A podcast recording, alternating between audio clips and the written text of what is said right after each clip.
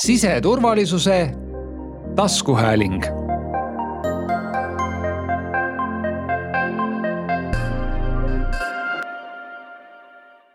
siseturvalisus ei ole ainult piirikontroll ning patrullautod tänaval. sel korral tutvustame siseturvalisust hoopis uue nurga alt. Räägime eestlaste viimase aja hüppeliselt kasvanud annetamissoovidest ning sellest, kuidas kodanikuühiskond on suutnud end üllatava kiirusega mobiliseerida, leides innovaatilisi lahendusi kõigi soovijate pakkumiste vastuvõtmiseks. fookuses on heategevus, see, kes ja kuidas Ukraina kriisi panustab vestlusringis on täna Eesti pagulasabi kommunikatsioonijuht Madle Timm. tere päevast! Eesti Punase Risti partnerlussuhete juht Jukka Pietiläinen. tere! Siseministeeriumi kodanikuühiskonna nõunik Marten Lauri. tere! ning saadet juhin mina, Teele Seire. kümnendal veebruaril tegi siseminister Kristian Jaani Riigikogus ettekande Eesti kodanikuühiskonna olukorrast ning tutvustas muuhulgas ka võimalikke lahendusi, kuidas riik saab heategevuse soodustamisele kaasa aidata kodanikuühiskond on Ukraina olukorrale väga kiirelt reageerinud, kuid kuu aega tagasi ei osanud keegi meist ette näha, et välja pakutu kohe ka rakendamist leiab. Marten, sina oled meie kodanikuühiskonna ekspert ning selgitasid arenguid ka Vikerraadios. räägi kodanikuühiskonna eduloost lähemalt, kuidas me jõudsime teooriast praktikani kui sa mainisid seda kümnenda veebruari Riigikogu arutelu, siis, äh, siis seal jah, tõesti äh, Kristjan Jaani tegi äh, ettekande ja, ja ettekandeid tegid siis ka kodanikuühiskonna poolt Kai Klandorf ja, ja tehnoloogiaettevõtja Martin Villig. et üks, mis Riigikogust kõlama jäi, oli see, et Eesti inimesed on üha rohkem valmis heategevuses osalema. Kui me vaatame niisuguseid viie aasta võrdluses äh, uuringuid, äh, selline rahvusvaheline uuring World Giving Index, siis me näeme, et täna sisuliselt iga kolmas Eesti inimene on viimase kuu aja jooksul heategevuseks annetanud ja mis sealt Riigikogu arutelust äh, veel, veel kõlama jäi äh, peale selle, et kõik ettekandjad äh, noh, sisuliselt nõustusid, et kodanikuühiskond on sellistes erilistes olukordades kiire reageerija, jäi kõlama ka see, et, et noh, Eesti inimesed on valmis heategevuses osalema. Ja nagu sa teile ütlesid, et tõesti kuu aega tagasi ei osanud keegi ette näha, et see, see teooria praktikasse kohe niimoodi rakendub et mul on hästi hea meel näha, et, et inimesed on tulnud kaasa Ukrainas äh, toimuva lahendamisele ja vaadates siin ka intervjuusid äh, Aktuaalses Kaameras või niisuguseid tänavaküsitlusi, kus äh, mulle eriti jäi meelde üks eakas pensionär, kelle käest küsiti, et kas te olete ka annetanud, et ta ütles, et ei, et noh, mis, mis mina, et, et mul nüüd palju anda ei ole, aga et kümme eurot ikka annetasin, et tegelikult iga euro loeb. olen selle üle nagu hästi rõõmus, et et selline käitumine on olnud. No Jukka Madle annetamine ei ole teile üldse mitte võõras teema, kuidas teie tööpäevad praegu välja näevad, kas unetunde jätkub ja, ja kuhu see ressurss praegu kõige rohkem läheb? no mina sain täna kuus tundi magada ja see on juba väga-väga hästi, nii et eks see ressurss kulub äh, Eesti pagulasabis peamiselt hetkel äh, siis evakuatsiooni korraldamisele teisest küljest siis juba koha peale jõudnud äh, ukrainlaste nõustamisele ja neile majutuste leidmisega äh, kõik, mis sinna juurde veel kuulub, kuidas siis Eestis hakkama saada, kuidas siia süsteemi lülituda ja siis, kuna me oleme ka koos Mondo ja Ukraina Kultuurikeskusega kampaanias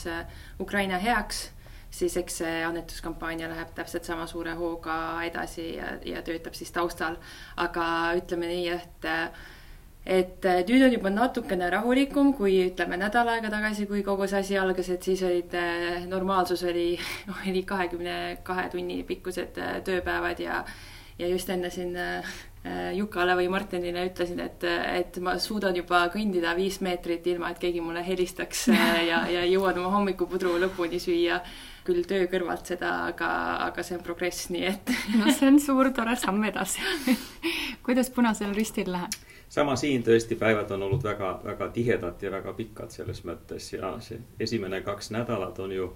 enamuses kulunud ju sellele, et, et on erinevad annetuskanalid lahti tehtud ja vaadatud, et kõik soovijad konkreetselt leiavad oma võimaluse, kuidas neid annetusi teha. ja tegelikult see meie põhitegevus on ju olnud suunatud veel selle esimese kaks nädalat otse ainult Ukraina poole ja oleme siis kogunud esemeid ja neid on kogutud praeguseks äh, enam-vähem kümme rekkat täis ja need esemed siis on puhtalt selle abipalve alusel nendest artiklitest, mida siis Ukraina Punane Rist on konkreetselt teavitanud, et millest on kõige rohkem, on abi. ja siis see teine pool asjast ongi olnud rahalised annetused ja, ja, ja neid on päris, päris märgatavad summad tõesti, tõesti juba siiani tulnud no kas enne seda, kui nüüd see Ukraina kriis meil algas, kas oli näha, et eestlased on ka, nagu Martin siin enne ütles, et äh, on hakanud rohkem annetama, kuidas te seda võrdlusmomenti praegu näete? Eesti pagulasabi poole pealt äh, annetajaid loomulikult oli, äh, on ka püsiannetajad, mis tegelikult on kõige jätkusuutlikum siis meie jaoks ka, kõige parem viis aga otse loomulikult, kui toimub kriis, siis see annetus, annetused plahvatuslikult suurenevad ja seda me nägime nüüd praegu ka. meil on nüüd kuskil ligi kolm miljonit on tulnud annetuste kaudu, sinna sisse siis ei ole veel arvestatud äh, mitmeid suurannetajaid, kellega tuleb siis teha lepingud. samamoodi nagu Jukka ütles, erinevad kanalid äh, telefonide kaudu, pangalinkide kaudu ja ütleme, et äh, et need on peamiselt ikkagi ühekordsed annetused ja me juba praegu näeme, et kuna see kriis on kestnud äh, juba mitu päeva, siis see annetuste vool selles mõttes väheneb, et neid annetusi ikkagi tuleb sisse, aga see ei ole nüüd nii suure kiirusega kui need esimesed päevad, kus kõik tõenäoliselt siis tundsidki ennast jõuetuna ja tahtsid midagi teha ja kõige kiirem ja lihtsam viis on, on teha annetusi, mis on ka meie jaoks kõige parem viis tegelikult, kuidas inimesi aidata. Aga jah, võrreldes siis selle eelneva ajaga ütleme, et äh, kui me siis pidime nägema kõvasti vaeva, et seda annetuskampaaniat äh, teha ja inimesi kutsuma üles annetama, siis nüüd see toimus kuidagi väga orgaaniliselt, äh, kuigi meil see kampaania oli selles mõttes juba kahe tuhande neljateistkümnendast aastast valmis ja me lihtsalt pühkisime sellelt äh, tolmu, aga, aga see hoog ja kiirus, millega inimesed kaasa tulid ja erinevad ettevõtted pardale hüppasid ja, ja kui, kui ma vahepeal saan kontorist korraks välja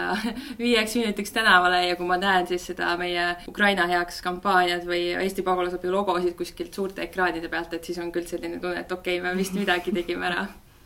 et läheb ikkagi hinge inimestele Marten, kuidas Siseministeerium valmis oli selleks äh, hüppeliseks annetuste kasvuks, mida siin kiirelt pidi ümber mängima või, või kuidas te valmistusite enne seda?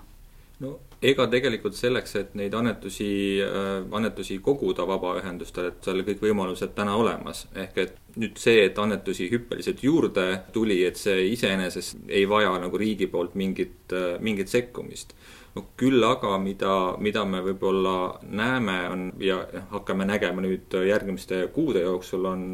on see, et, et eraisikute annetamisel, et juhul, kui eraisik soovib saada sealt äh, annetuselt tulumaksu tagasi, siis äh, kehtivad talle teatud äh, piirmäärad. et teatud summani annetades saad sa siis selle tulumaksu tagasi. ja võib väga vabalt juhtuda, et, et inimesed annetavad nii palju, ja, ja ootavad, et nad saavad võib-olla järgmisel aastal sealt tulumaksu tagasi, aga tegelikult, tegelikult ei saa. et, et ilmselt seda selgitustööd tuleb nüüd eh, edaspidi ka, ka teha, et ootusi juhtida.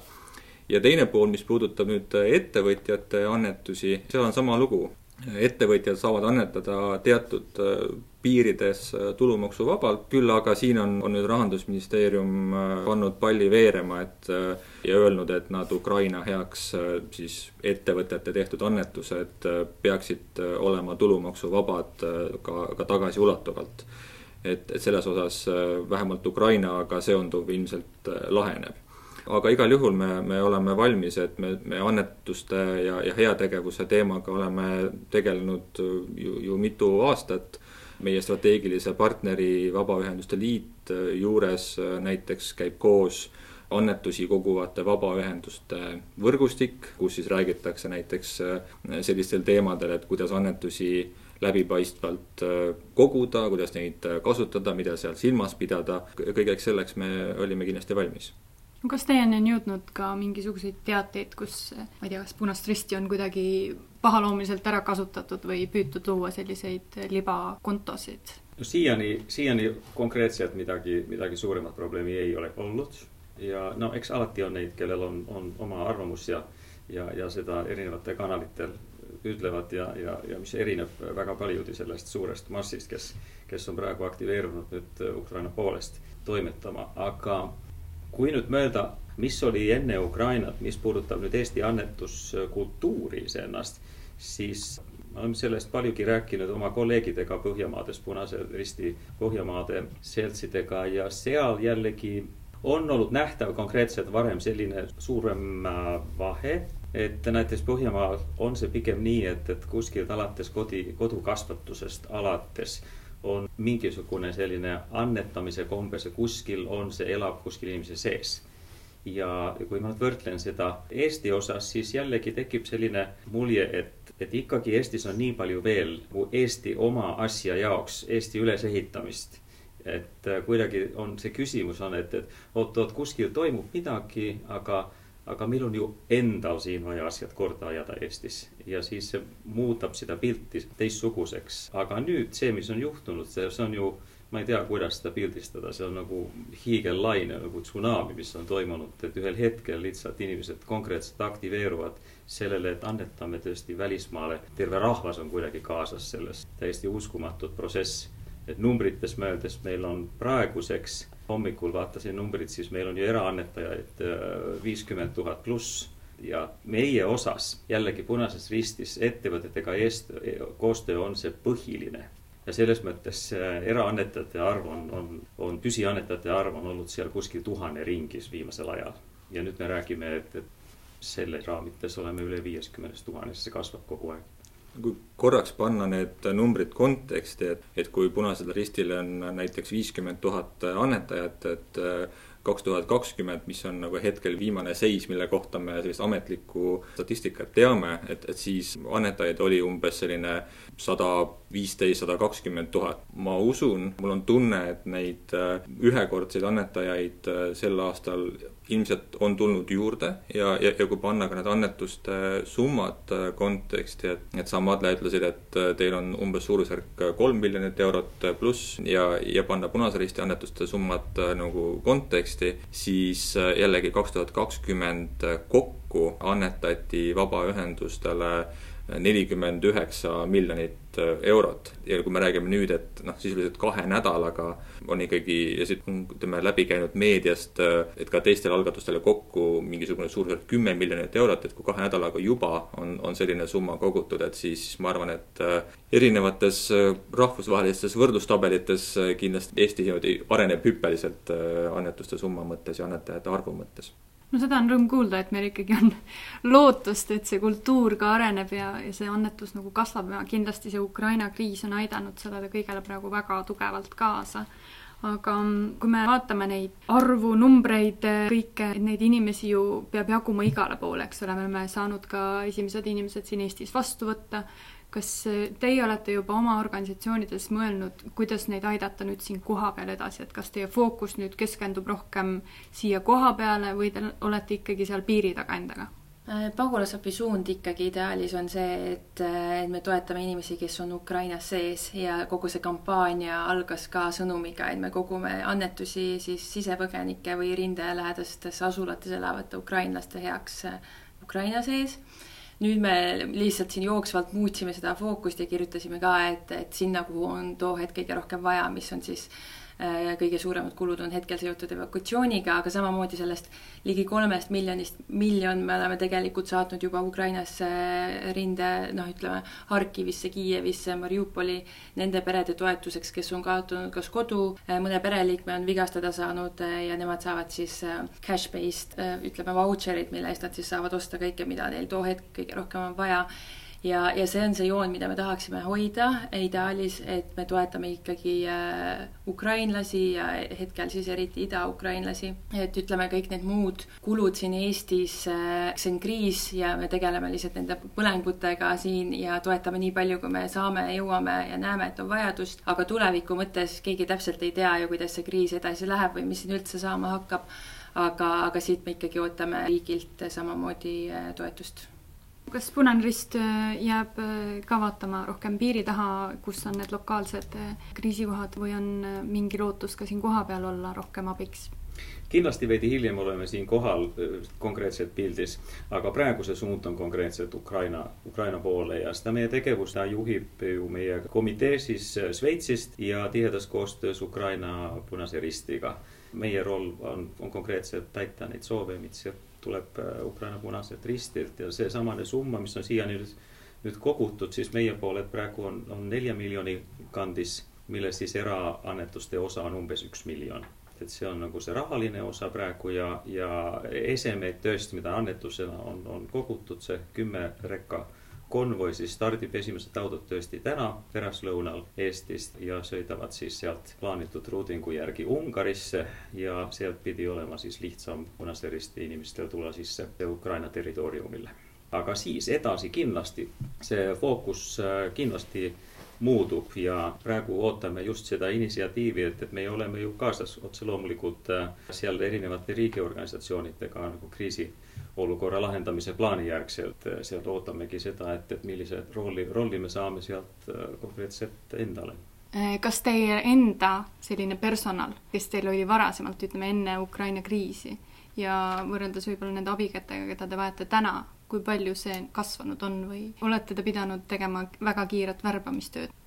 pagulasabis jaa, ma nüüd eh, hetkel meil ei ole kedagi nüüd täistööajaga juurde võetud, eh, aga maksame siis eh, toetust või palka nendele, kelle me oleme juurde pidanud tõesti kahe päeva jooksul lihtsalt usaldades võtma.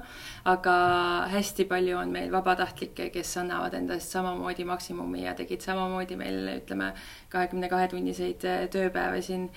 ja kõige suurem heameel on see, et, et erinevate ettevõtete juhid, äh, kellel on see kompetents olemas, kas või kriisi juhtida või kes on töötanud riigiasutustes või kuskil Brüsselis, on pakkunud äh, lihtsalt oma abi ja tulnud, äh, tulnud haaranud härjal sarvist ja öelnud, et ma jätan praegu enda asjad kõrvale ja ma tulen aitan teid ja, ja ma teen seda tasuta, et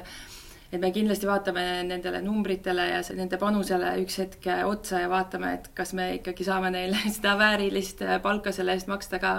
aga jah, võrreldes siis meie algse tiimiga, kus meil oli kümne inimese kandis, siis kaasa arvatud siis kommunikatsiooni tegin ainult mina, siis hetkel meil on ikkagi ka ütleme kommunikatsioonitiimi põhjal on veel lisaks abis kolm vabatahtlikku, kes, kes ei ole ka otseselt vabatahtlikud, sest nende enda taust on väga tugevalt seotud ka kommunikatsiooni juhtimisega, et eks see jah, suurenes ja kõige nagu toredam selle juures ongi see, et nad hüppasid nii kiirelt paati ja me ei jõudnud nagu konkreetselt teha mingit taustakontrolli või vaadata, et kas nad üldse sobivad meie tiimi, sest kriis on kriis ja meil oli abikäsi vaja ja nad äh, sulandusid, ütleme, poole päevaga äh, meil sisse ja, ja tegutsevad ja on abis, et see, seda on, seda on väga äge näha no kuidas Punasel Ristil on? Punase Risti poolelt äh, on meil põhitiimis, see on, on äh, mõned liik-, mõned uued liikmed on äh, võetud tööle, aga see üldiselt see huvi nagu vabatahtlik teha meiega asju, siis see on kasvanud tõesti väga, väga kiiresti ja, ja nüüd ongi raske esitada mingeid täpseid numbreid, et, et kes kõik reaalselt, kui palju on juba kaasas konkreetselt, aga ma arvan, võiks umbes nii öelda, et, et äh, kakskümmend viis protsenti rohkem on meil vabatahtlikuid käsi, kes praegu juba aktiivselt teevad asju ja see on kõik toimunud nüüd siis ainult kahe nädala vältel, et no seda ma, on ainult rõõm kuulda. -hmm. ma, ma arvan, et vaadates seda vabatahtlike ja, ja heategevuse osa ka nagu Äh, süsteemsemalt, et siis noh, tegelikult siin on ka ütleme, kui me loodame või võtame lähtekohaks selle, et, et võib-olla on tulnud ka mingid inimesed appi, kes, kellel ei ole varasemalt vabatahtliku tegevuse kogemust, et siis mm, -hmm. siis tegelikult on ka nendel vabatahtlike kaasajatel ehk nendel vabaühendustel ka äh, suur vastutus, äh, ühtlasi ka võimalus nagu neid, esiteks vastutus selle poole pealt, et,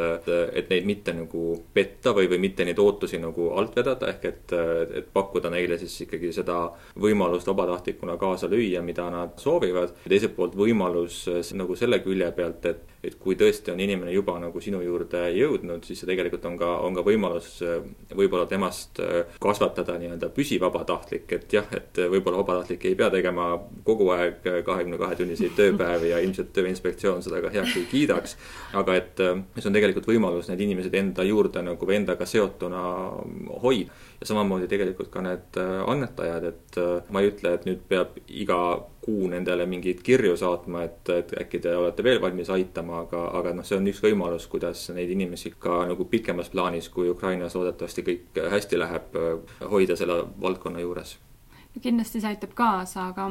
mida Pagulasabi ja Punane Rist täna vajavad, kuhu te neid abikäsi suunate? pagulasabis ütlen kohe otse, meile, meil on kõige suurem abi ikkagi rahaline annetus, et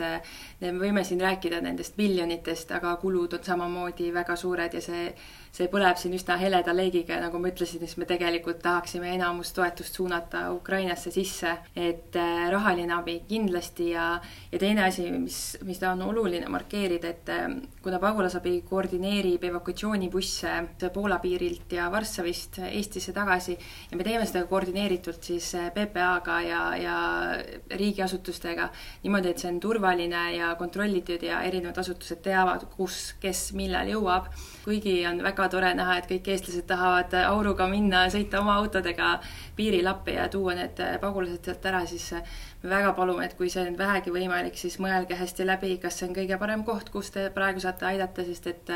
meie kohapealse staabi koormus on väga-väga suur ja nad äh, saavad tegeleda siis ainult suurte evakuatsioonibussidega. nii et suunake see raha äh, pigem äh, annetusteks ja küsige võib-olla, et kas on kuskil mujal vaja näiteks, Juka kindlasti oskab öelda, aga näiteks kasvõi sorteerida asju või aidata komplekteerida rekkasid, aga jah, kui on võimalik, siis palume ikkagi evakueeruda siis pagulasabibusside kaudu mm. -hmm. meil sama lugu tegelikult selles mõttes, et, et rahalised äh, toetused on absoluutselt see, mis toimub, toimib kõige paremini praegu. on selge signaal ka tulnud äh, Ukraina suunast, et äh, Ukraina Punane Rist suudab seal reaalselt selle rahaga toimetada. kõik kanalid on lahti ja seda on võimalik kasutada mõistlikud ja selles mõttes see on absoluutselt see õige, õige viis toetada. mis puudutab jälle nende esemete korjamist, siis me tegelikult esimese ringi lõpetasime nüüd eelmisel reedel ja millest siis koosnes just see kümme reka erinevat äh, kaupa sinna, sinna Ukraina poole. Ja praegu siis äh, meie kohalikud seltsid üle Eestimaal ju võtavad vastu, kui on soov annetusi justkui nende Ukraina elanikede jaoks, kes suunduvad Eestisse, et, et äh, praegu just aktiveerime nagu seda poolt, et mismoodi me saame siin toeks olla ja ootame põnevusega seda ka, et, et kuidas Välisministeeriumi staap ja mõned teised siin hakkavad koordineerima reaalselt seda poolt, et, et mis, mida kõike siin saab toeks teha Eestis ja igal juhul iga, igasugune abi on, on teretulnud, aga, aga jah, nii nagu Madle ütles, et äh, oluline on abi, abipakkujal nagu korraks läbi mõelda, et kas see, mida ma, mida ma tahan teha, et kas see on kõige, kõige mõjusam äh, viis või võib-olla tõesti on, oleks minu abi vaja mingis teises äh, kohas. ja, ja minu meelest see seondub ka selle teemaga, mida me enne korraks puudutasime, et need võimalikud nagu pettuste või niisugused nagu, nagu ärakasutamise osad, et noh, alati, kus on, kus on head seal on ka alati kurja. et kui on nüüd inimene, kes, kes soovib abi pakkuda, siis tasub kindlasti nagu teha enne lihtsalt taustakontrolli, et, et kas see organisatsioon on, on tuntud, on tal varasem tegevus kui ta on äsja asutatud, siis võib-olla nendel eestvedajatel on pikk kogemus selles valdkonnas või abi, abi pakkumisel, et igal juhul nagu tasub endalt need küsimused enne ära küsida, abi min-, andma minna. noh, see muidugi puudutab pagulasabi ja, ja Punast Risti ja mõnda teist, et nendega on kõik hästi no millised on need peamised eh, sellised usaldusväärsed eh, organisatsioonid, kes meil Ukraina kriisiga võiksid laual olla? Kõige lihtsam inimese jaoks on, on minna kriis.ee lehele, valida sealt Aita Ukrainat rubriik, kus, kus on nagu riigi poolt mõned organisatsioonid välja, välja toodud, et needsamad pagulasabi, Eesti Punane Rist, seal on ka Päästeliit, kes kogub päästevarustust Ukrainasse ja veel erinevaid toetusvõimalusi, et, et kriis.ee Aita Ukrainat võiks olla see üks koht, kus esimesena siis alustada mis puudutab abi pakkumist, et me oleme siin rääkinud, kuidas siis nagu annetada või mida annetamisel silmas pidada, igal juhul on vabaühendustele suurem abi äh, rahalisest annetusest, kuigi ka asjade viimine on, on oluline, aga rahaannetus on, on just sellepärast oluline, et, et see võib-olla vabaühendusel on endal mingid juba koostööpartnerid, kelle kaudu ta saab äh, kümne euro eest äh, rohkem pikendusjuhtmeid, kui, kui inimene saaks oma, oma tavalisest äh, kodulähedasest poest. ja teine asi ka, ka see, et mis puudutab asjade annetamist, et me kunagi ei tea, kui palju neid asju nüüd tuuakse, kui sama see pikendusjuhtme näide võtta, et et võib-olla, võib-olla see, see vajalik maht on juba ammu täis, aga neid juhtmeid muudkui tuleb ja tuleb ja tuleb ja, ja lõpuks on noh, on nii, nii vabaühendusel tööd rohkem nende kasutuse leidmiseks ja teiselt poolt on ka inimesed pettunud, et aga ma ju viisin neid juhtmeid, et miks neid siis noh, kasutusse ei, ei võetud. miks minu juhe ei jõua sinna, kui teda vaja on, eks ole. ja et seetõttu me rõhutame ikkagi üle, et kui vähegi võimalik, siis ühendused ootavad rahalisi annetusi praegu. kui tuleb mingisugune uus info, siis tasub kodulehtedel silma peal hoida. nii Pagulasabi kui Punane Rist uuendavad seda infot seal jooksvalt kogu aeg. kriis.ee lehekülg on meil ka riiklik infoleht, kus on kõige viimane värskem info alati kättesaadav kellega te siin Eestis kohapeal veel koostööd teete? on mingisuguseid asutusi või noh, me oleme suurelt välja reklaaminud, et Pagulasabi ja Punane Rist on sellised põhikanalid, aga meil on ju veel kõiksugu asutusi, kes oma panuse tegelikult annavad siia pagulasabi teeb väga tihedalt koostööd Mondoga, kuna meil mõlemad on Ukrainas siis kohapealsed partnerid, kellele seda abi saata. kui sa mainisid, siis tegelikult me pagulasabis teeme koostööd ka Punase Ristiga, kes aitab meil siis evakuatsioonibusse komplekteerida hügieenitarvete näol näiteks.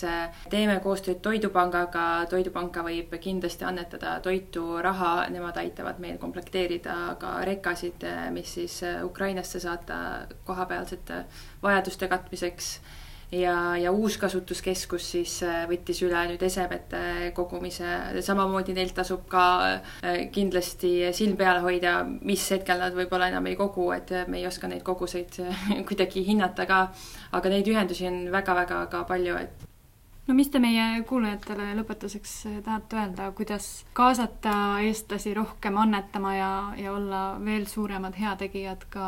pärast seda Ukraina kriisi? Ma arvan, et ma korraks ikkagi tulen veel selle juurde tagasi, et äh, küsige, mis meil äh, konkreetselt äh, vaja on, et lihtsalt joosta pea laiali otsas, sellepärast et, et see tahe annetada ja aidata on nii suur. see on väga tore ja me oleme väga-väga südamest tänulikud, ilma, ilma selleta me ei oleks praegu nii suurel skaalal üldse saanud seda abi osutada. aga kui see kriis edasi läheb, siis need vajadused ju igapäevaselt muutuvad. nii et kui te kahtlete, et, et mis abi hetkel vaja on, siis lihtsalt võtke meie meiega ühendust ja, ja me oskame võib-olla suunata, et eh, kuhu see abi võiks hetkel minna. ja kindlasti on, on hea jälgida seda ka, mida Punases Ristis toimub, et mille, millega me just tegutseme, oma aktiivsus seal on, on kindlasti väga hea.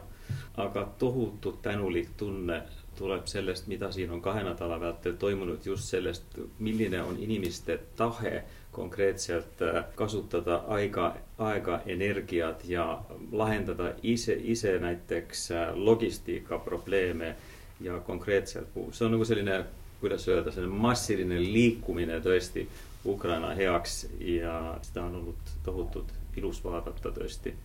ma võiksin, võiksin kujutada ette, et sellest asja polegi Eestis kunagi varem juhtunud, see on fantastiline no see on selline hea näide massipsühhoosist kui seda nii võib nimetada, et eh, Martin, kuidas sina? mina ütleks lõpetuseks seda, et vaadates ka ütleme, Siseministeeriumi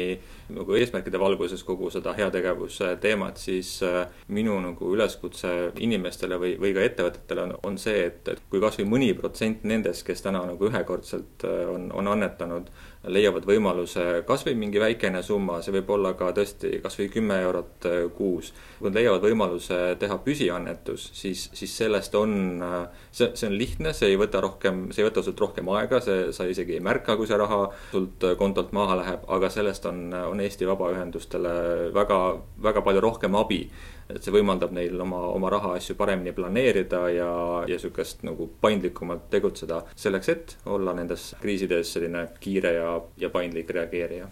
Eesti Pagulasabil on ka püsiannetajate klubi A-tiim, nii et võite siis kodulehelt üles otsida. vastan esimesel võimalusel siis kõikidele. ja hommikupudru kõrvale paar kõnet jälle ja on olemas.